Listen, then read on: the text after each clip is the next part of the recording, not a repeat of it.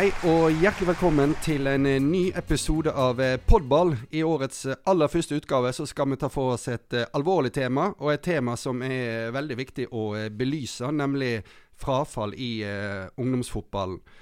Og til å ta den diskusjonen med oss her, i dag så har vi Arne Eide Kjærås, som er fagansvarlig for aktivitetsutvikling her i NFF. Og Thomas Mangård Jørgensen, doktorgradsstipendiat ved Norges idrettshøgskole. Velkommen skal dere være. Takk. Takk, takk.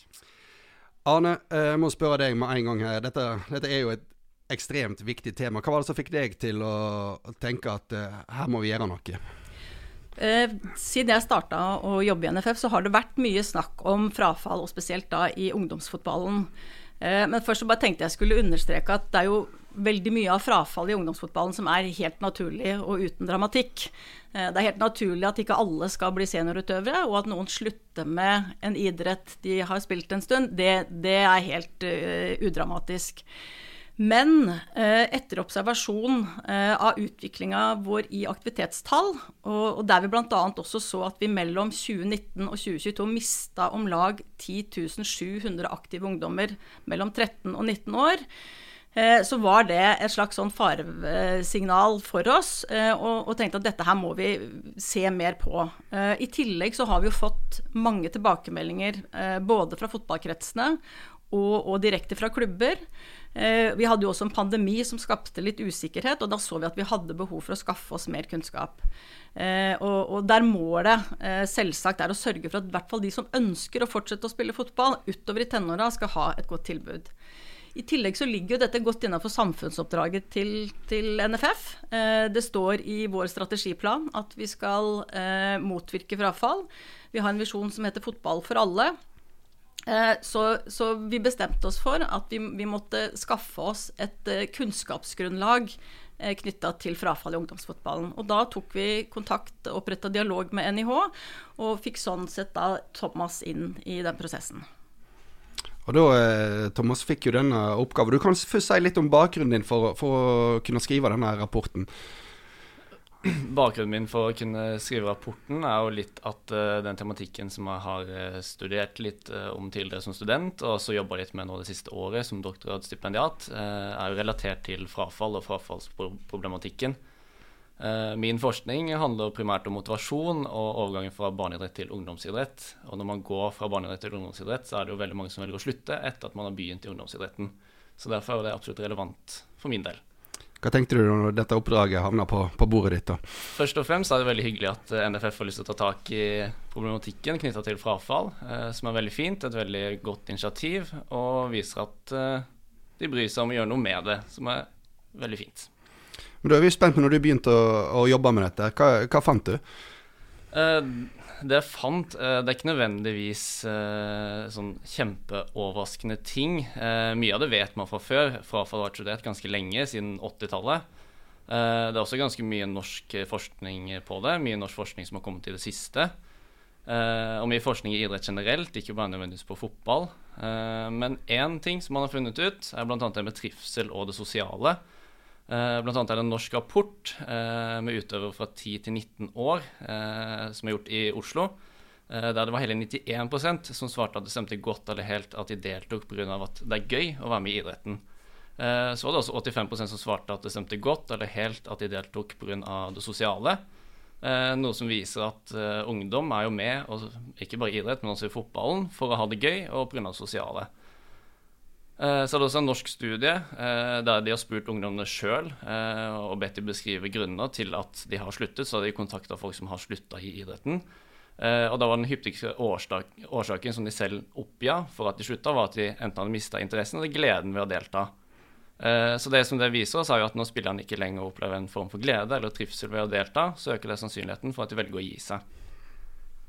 Og en ting som jeg syns er litt interessant ved det funnet der, det mm. er jo at er vel en slags sånn etablert sannhet uh, ute i Fotball-Norge at uh, jenter og gutter uh, skiller seg fra hverandre ved at jenter bare spiller for å være sosiale, eller stort sett spiller for å være sosiale, mens for gutter så er det liksom veldig drevet av konkurranse og det å bli bedre. Men jeg syns jo disse funnene her viser at dette med, å, med trivsel og, og, det sosiale aspektet ved fotballen og idretten er like viktig for gutter som for jenter. Mm. Så det, det er jo ikke overraskende at det å trives selvfølgelig er en sentral grunn til at folk velger å delta i fotballen. Eh, men eh, det som funnene viser ganske tydelig, er at eh, dersom spillerne mangler en følelse av tilhørighet, dersom spillerne føler liten grad av sosial tilknytning, eller rett og slett fravær av bestevenner på laget, eller at velger, venner velger å slutte, det gjør at også de sjøl velger å slutte med fotballen, som er viktig å få frem. da. Men er det For vi vet jo spesielt på guttesida og, og, på jentesida selvfølgelig, men du sier at det er jo en Altså det er jo en Hva skal jeg si en Iallfall en teori om at uh, jenter spiller mer for det sosiale, som du er inne på. Uh, er det overraskende å se at gutter òg er det veldig masse for det sosiale, og ikke nødvendigvis der for å bli den nye Erling Braut Haaland eller Martin Hødegaard? Jeg syns jo ikke det. Eh, fordi eh, jeg har jo tenkt lenge at dette Altså, jeg har jo hørt at eh, altså, Eller observert, da iallfall, at dette er en sånn type slags sånn etablert sannhet som kanskje vi som voksne personer rundt jentelagene og trenere er litt med på å opprettholde. Både ved å fokusere på det sosiale som, Bare for å ha sagt det, jeg mener jo det er viktig. Jeg mener jo ikke at det er uviktig. På ingen måte.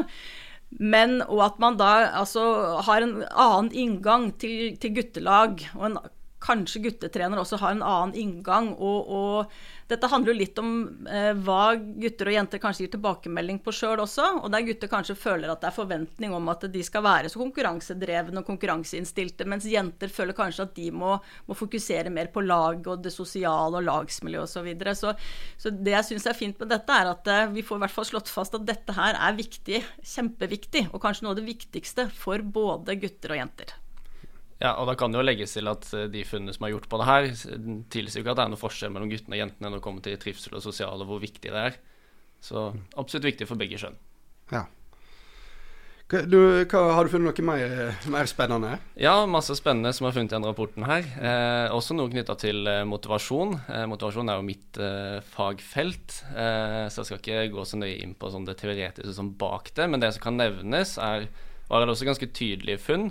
Eh, både i Norge og andre land, eh, bl.a. på det som heter mestringsklima, eh, som handler om litt de målene og de kriteriene som du velger å definere den konteksten som du legger til rette for på treningen og i kamp og sånn. da. Hvis du har et mestringsklima, så legger du til rette for utvikling og læring. Du ser på innsats som noe positivt. Du anerkjenner forbedrelse. Du ser på feil som en del av læringsprosessen, eh, og du setter pris, generell pris på spillerne dine. Eh, I motsetning til det så har man det som kalles for et prestasjonsklima, eh, der man fokuserer mer på å gjøre det bedre enn andre. Man fokuserer mer på resultater og seire. Man prøver å unngå feil fordi det reflekterer dårlige ferdigheter. ting som det, Jeg trenger ikke gå så mer inn på det, men det forskninga har vist, er at det å legge til rette for et mestringsklima er veldig positivt, også med tanke på frafall. Eh, så det at du legger til rette for et sånn type klima, vil gjøre at det er mindre sannsynlig at utøverne faller ifra. Uh, og det har man funnet at uh, sånn er det uavhengig av spillernes ferdighetsnivå. Så det er sånn også på toppnivå så prøver man kanskje å fremme et type mestringsklima. Altså gode opplevelser, selvtillit, bygget et bedre klima. Ja vi har jo, eller konsekvenser for dette frafallet, da tenker jeg er et sentralt spørsmål. For dette, dette her rammer jo eh, fotballen på, på, alle mulige nivå når folk ramler ifra. Hva, hva, er som, hva, er det vi ser skjer når, eh, når folk eh, rett og slett gir seg med fotballen? Altså, en ting som iallfall har uh, står veldig tydelig fram, uh, uh, er jo at frafallet i ungdomsfotballen rammer jentesida hardere enn guttesida. Eh, og det handler jo eh, om flere ting, men det handler jo eh, kanskje først og fremst om at til tross for at fotball er den største idretten for jenter i Norge, så er det sånn at vi har i alle aldersklasser i fotballen dobbelt så mange guttespillere som jentespillere. Og da blir det jo rett og slett eh, et spørsmål om ren matematikk eh, når, når, frafallet starter. Eh, for da er jentesida mye, mye mer sårbar, eh, og konsekvensene av frafallet blir større på jentesida.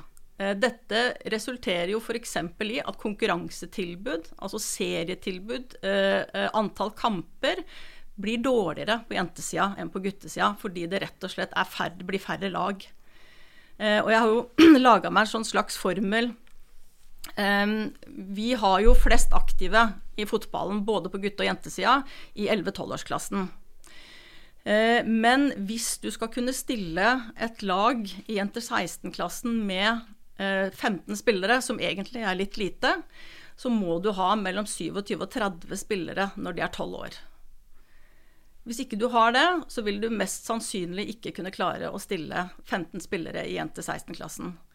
Um, og, og, bare det i seg sjøl eh, sier jo noe om sårbarheten på jentesida, og hvordan på en måte den da rammes hardere. Så der man på guttesida kanskje kan si at frafallet eh, medfører at man ikke kan stille et andre lag, som selvfølgelig også er negativt, men på jentesida så blir det ikke lag.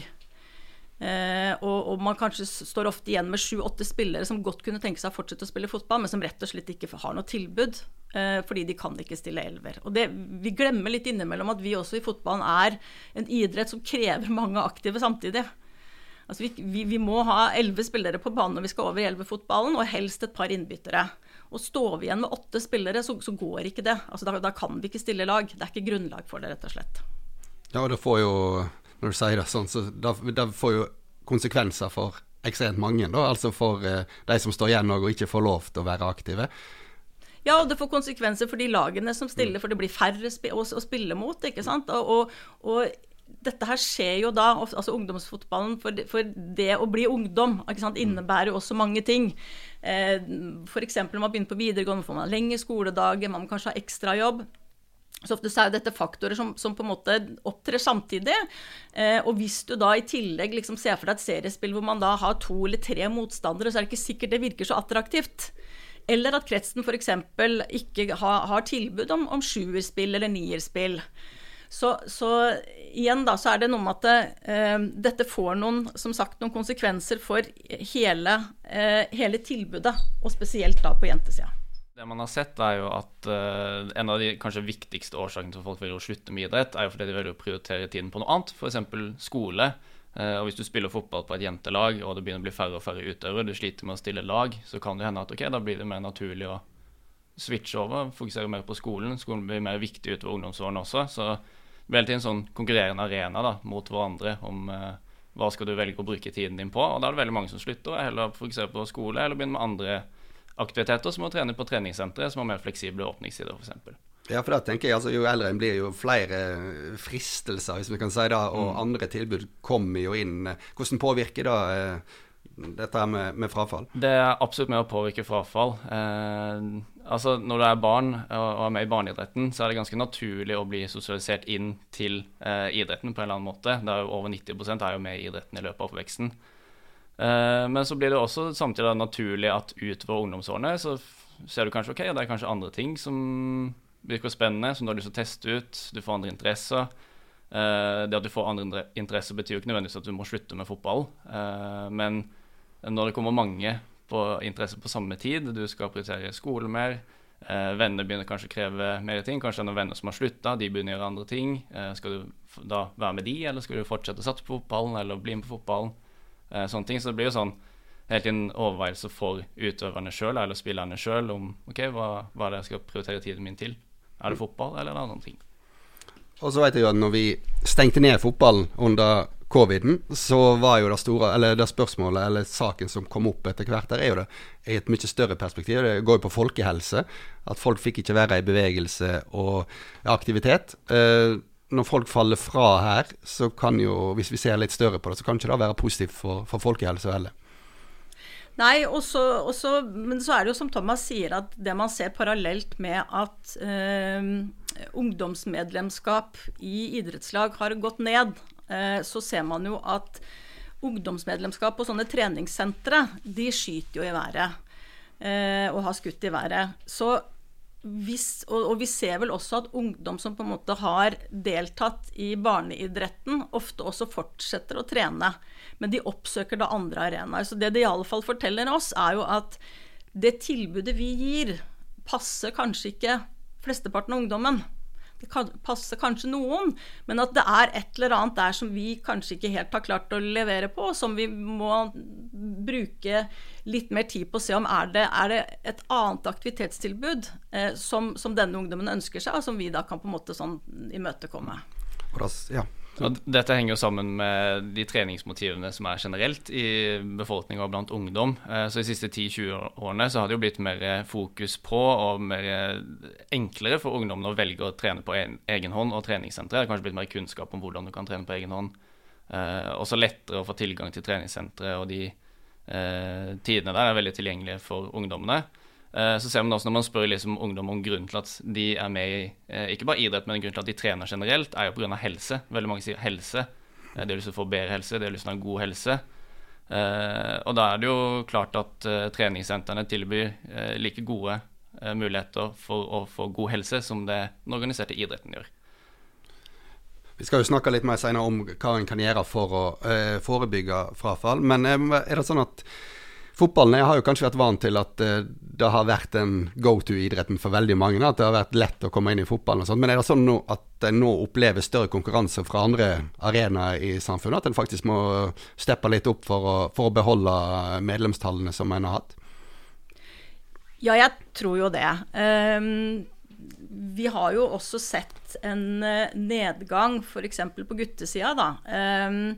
Siden 2015 ca., hvor da over, altså rundt 50% av alle gutter mellom 6 og 12 år spilte fotball, så er vel det tallet i dag sånn rundt 40% Så vi har jo da på de årene hatt en nedgang på sånn ca. 10 eh, Og det tror jeg jo, selv om vi fortsatt er den desidert største idretten, så tror jeg jo det også har sammenheng med med det store tilbudet som finnes i dag da, av ulike aktiviteter, og at kanskje andre idretter har hatt eh, mer fokus på rekruttering, mer fokus på å beholde de utøverne de har, mens vi i fotballen kanskje har vært litt bortskjemte med at, eh, som du sier, vi har vært den go to-idretten, eh, spesielt for gutter, da, men, men, også for jenter. Mm. Det er jo funn her som viser at det, det er forskjell på, på kjønn òg når det kommer til, til frafall. Hva, hva har du funnet om det? Jo, Anna har jo allerede vært litt innpå det. Eh, men det har fått tilgang til noen tall fra NFF, litt sånn aktivitetstall. Eh, og de viser jo at eh, jentene de slutter både tidligere enn guttene, og de trekker seg i større omfang i ungdomsårene enn det guttene gjør. Eh, så kan man jo se litt på forskninga, eh, hva som er grunnen til det. Eh, det som er litt dumt da, er at det ikke finnes så veldig mye forskning på det ennå. Uh, I Norge så har de gjort to studier som har sett litt uh, på det, som har funnet et par konklusjoner til hva som kan være grunnen til at uh, jentene slutter i større grad enn guttene. det de da har funnet ut, er bl.a. at det å satse ikke var like viktig blant jentene som for guttene. de har også funnet ut at jenter ønsker i mindre grad å forplikte seg til de faste treningene, som også igjen heller da mot heller trene på treningssentre. Eh, så er det også noen jenter som sier at eh, tilbudet de har, ikke er godt nok. Eh, og det samsvarer jo veldig med det Ane også forteller om, at hvis mange nok slutter, så blir det jo vanskelig å stille lag etter hvert og gi et godt nok tilbud ute i klubbene. Og en annen ting som vel også er litt interessant, som kommer fram i, i, i noe av den forskninga som du har sett på, det er jo at jenter eh, oftere enn gutter oppgir skader og sykdom som årsak til at de slutta. Ja. Og det er jo noe som jeg tenker at uh, vi i NFF iallfall må på en måte sånn, forsøke å grave litt mer i. Hva, tror du, hva tror du det kan gå på hvis, det, hvis vi skal skyte her, her og nå?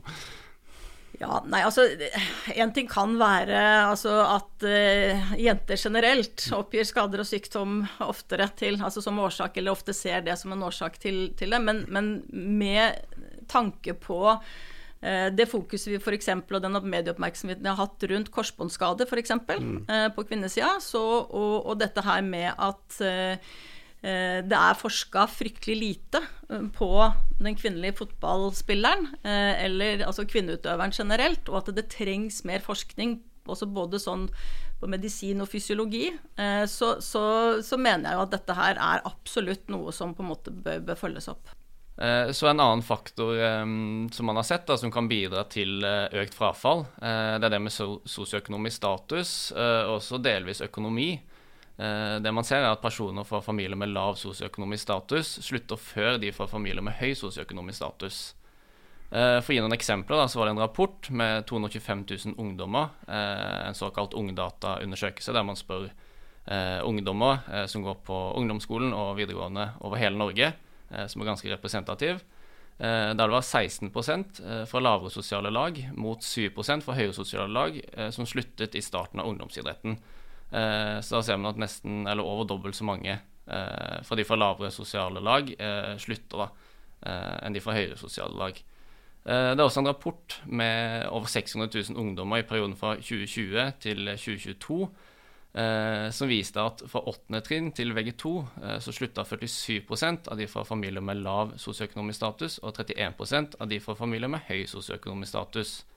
Så det man da ser, er at ungdommer fra lavere sosiale lag rekrutteres i mindre grad til idretten, og de slutter også tidligere. Hva tenker du om det, Arne?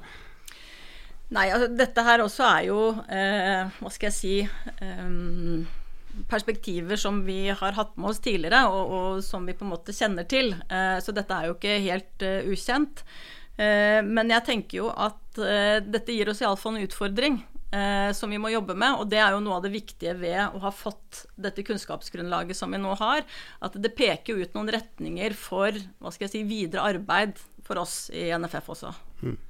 Så det jo, kan jo være litt vanskelig å vite akkurat hva det er som gjør at uh, f.eks. økte kostnader kan være med å øke frafallet. Mm. Uh, men noen få funn som man har sett, er at uh, de utgiftene som kan være vanskelig å bære for de familiene fra lavere sosiale lag, uh, kan bl.a. være at det blir et økning i antall treninger, at man forplikter seg til mer trening. Da blir det dyrere. det at man må reise f.eks. på lange bortekamper, kan også være en kostnad som er vanskelig å bære for mange. Også det å delta på cuper og lignende, som også kan være dyrt. Mm. Jeg tenker Dette er jo en viktig aspekt i det hele tatt, det med økonomi. For vi vil jo at fotball skal være, være, for alle. Så det er jo et ja. litt alvorlig tegn, dette her. Mm. Ja, absolutt. absolutt. Og, og, igjen, som sagt, dette her er jo ting som det måtte ha vært skrevet om i mediene, det har vært oppe, eh, og, og, som vi kjenner til. Men, men igjen, altså, dette her gir oss jo et, et faktagrunnlag, eh, og noe som vi på en måte kan bruke da, i det videre arbeidet for å på en måte, hva skal jeg si, eh, forsøke å gjøre noe med de økonomiske barrierene det, det er for å delta i fotballen. Mm. Mm. Så burde jeg bare presisere at uh, her trengs det også mer kunnskap om hvordan økonomien eventuelt er med å påvirke frafall, om folk velger å delta, om de velger å slutte og sånne ting. Uh, for det er ikke nødvendigvis økonomien som trenger å være den direkte årsaken. Uh, man har også sett at foreldre fra høyere samfunnslag ofte er mer engasjert i eller i posisjon til å legge til rette for barnets idrettsdeltakelse som også kan være en viktig faktor eh, oppi det her. Eh, blant annet så er det en studie fra Sverige som har vist at eh, dersom foreldrene er mer engasjerte, så opplever også barna idretten som gøyere, viktigere og mer nyttig, og derfor mer sannsynlig at de velger å fortsette. Hvordan kan vi jobbe med da, altså det punktet der, med å engasjere foreldre og på den måten skape større glede hos, hos ungdom og barn som skal, som skal spille fotball? Det klart, Dette her er jo noe som må skje i klubb. Eh, så dette her er jo gjennom vår på en måte sånn, hva skal jeg si, arbeid med klubb og klubbutvikling, og det å bevisstgjøre klubbene på hvor viktig det er å ha, engasjere eh, foreldrene rundt lagsmiljø. ikke sant? Og, og, på en måte, hva skal jeg si, bevisstgjøre dem på at dette her er også faktorer som kan være med på å forebygge frafall. Hvis du klarer å, å få på plass et system for å, å engasjere eh, foreldregruppa da, rundt, rundt spillerne. Mm. Engasjement hos uh, foreldregruppa tror jeg absolutt er viktig. Uh, og det, det, man også vet, er jo at deltakelse i idretten går sammen med hvor sterkt idrettsdeltakelse står i kurs i familien som vedkommende vokser opp i også. så det at foreldrene er engasjert i idretten, smitter over på barna og gjør det mer sannsynlig at de også er engasjert i idretten sin. Og så er jo foreldrene én ting, og så en annen ting. Det er jo treneren. Eh, vi er jo opptatt av eh, trenerrollen òg. Så, eh, så jeg tenker hva kan en god trener gjøre for å, for å forebygge frafall, og at folk rett og slett slutter? Eh, vi har jo vært litt inne på det allerede. Eh, men blant, annet det å legge til rette for et mestringsklima kan jo være en eh, positiv ting og et grep man kan gjøre. Nå er ikke nødvendigvis gitt at alle vet hva et mestringsklima er, men hvis man blar opp i rapporten, så står det litt mer beskrevet om det der. Det kan du si kort beskrive et mestringsklima? Et mestringsklima, det ble litt beskrevet i stad, men det er litt sånn de normene og forventningene som man har i den gruppa, det miljøet som man er en del av. Eh, så i et mestringsklima eh, så vil man tenke på utvikling og læring som viktig. Man vil eh, hylle innsats og forbedring. Spillerne jevnt over settes pris på, og det kjennetegnes ved at det er en liten frykt for å gjøre feil i et sånt klima. Mens i det man, en motsetning vil det være et prestasjonsklima, hvor det er en liksom, høyere frykt for å gjøre feil. Det er typisk at man favoriserer de beste spillerne på laget. Så er det ikke sånn at man enten er det ene eller det andre. Ofte er det en liten en kombinasjon, men at man prøver å få frem eh, mestringsklima. og det, det som kjennetegner et mestringsklima, kan være viktig for å sørge for at folk velger å ikke slutte. Ja.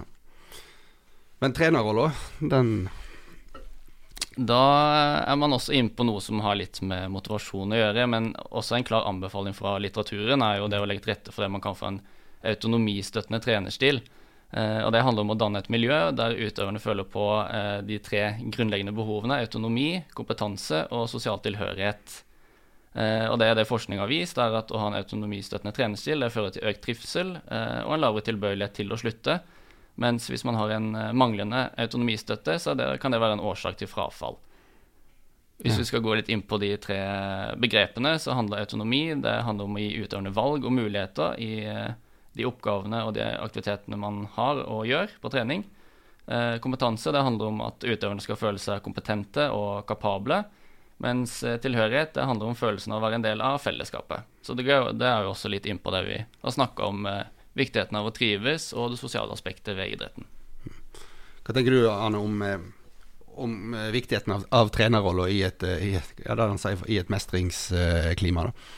Det er vel flere studier som også på en måte sånn peker på at eh, trenere kan ha en veldig viktig og avgjørende rolle. Eh, selv om vi som, som, vi har vært inne på ofte snakker om flere faktorer som påvirker hverandre samtidig, så, så tror jeg jo at eh, inngangen din som trener, eh, hva du fokuserer på, ikke minst i da en periode man, Når man kjenner til at her er det mange som nå lurer på og, og, sliter kanskje litt med motivasjon. De er usikre på om de har tid nok til å fortsette, eh, og, og, om dette går, går i hop med med skole og ekstrajobb og andre ting.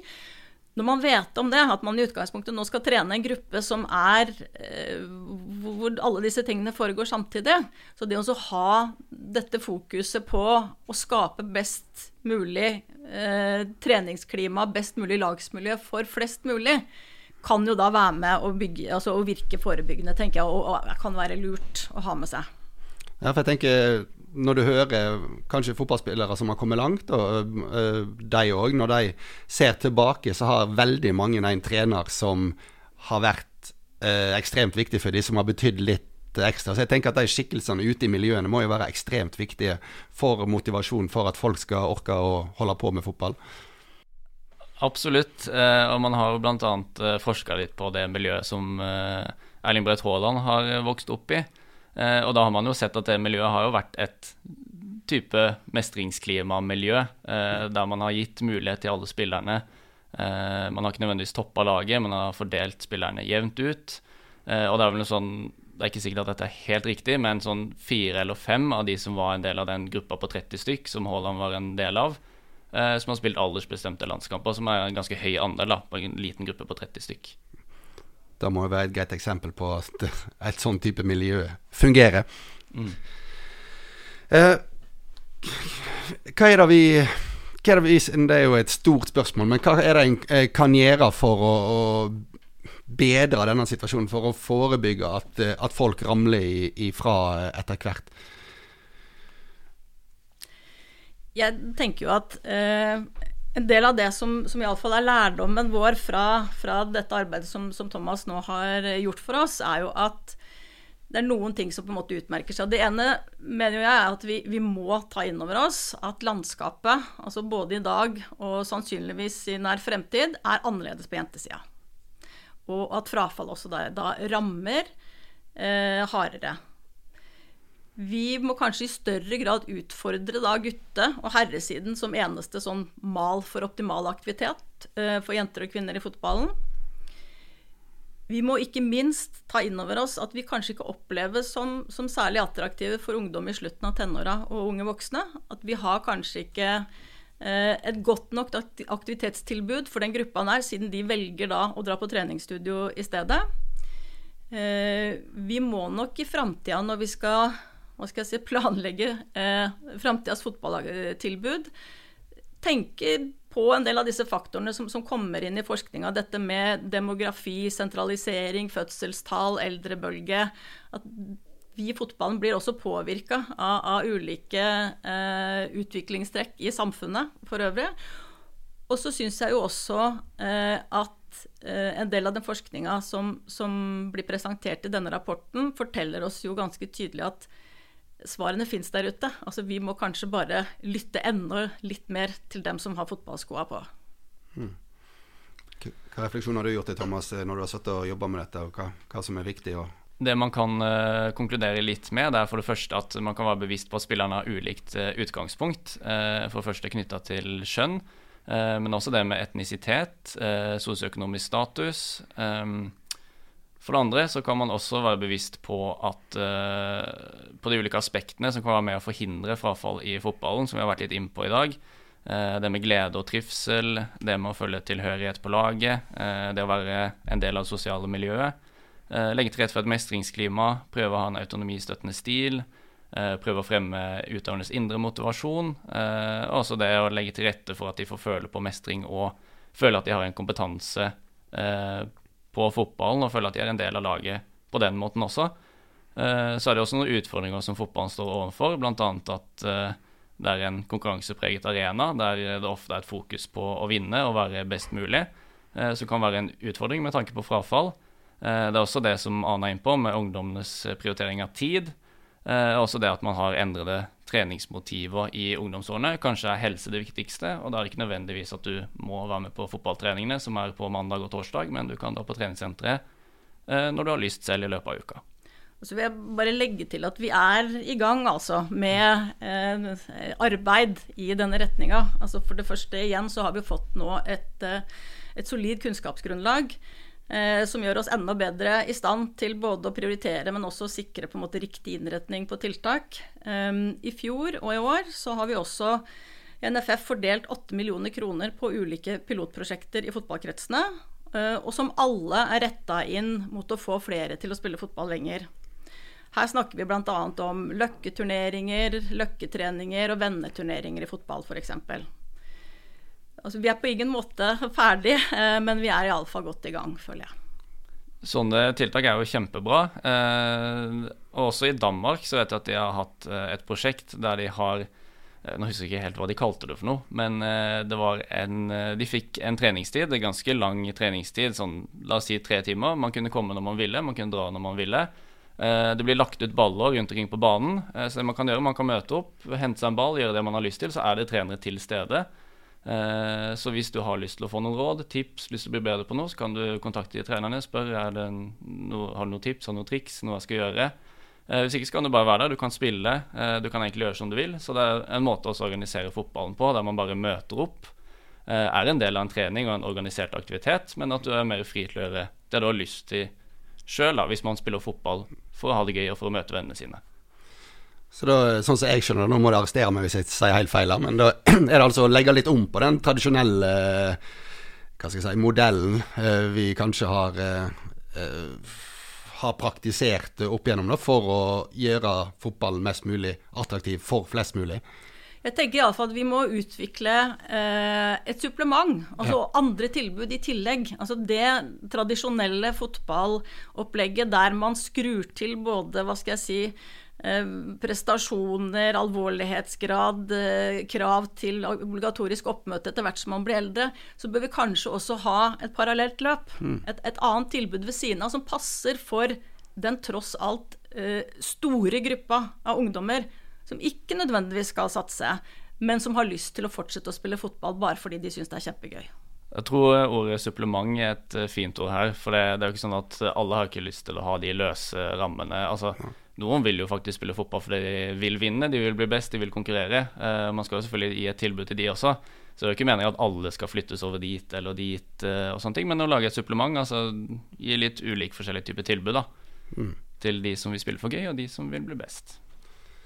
Så jeg hadde tenkt å stille deg avslutningsvis Anne, et spørsmål om hva kan NFF gjøre, men jeg føler du har oppsummert det veldig greit. Så da tror jeg jeg sier tusen takk for at uh, dere kom her i dag. Og uh, tusen takk til alle dere som hørte på. Vi er straks tilbake med en ny podball.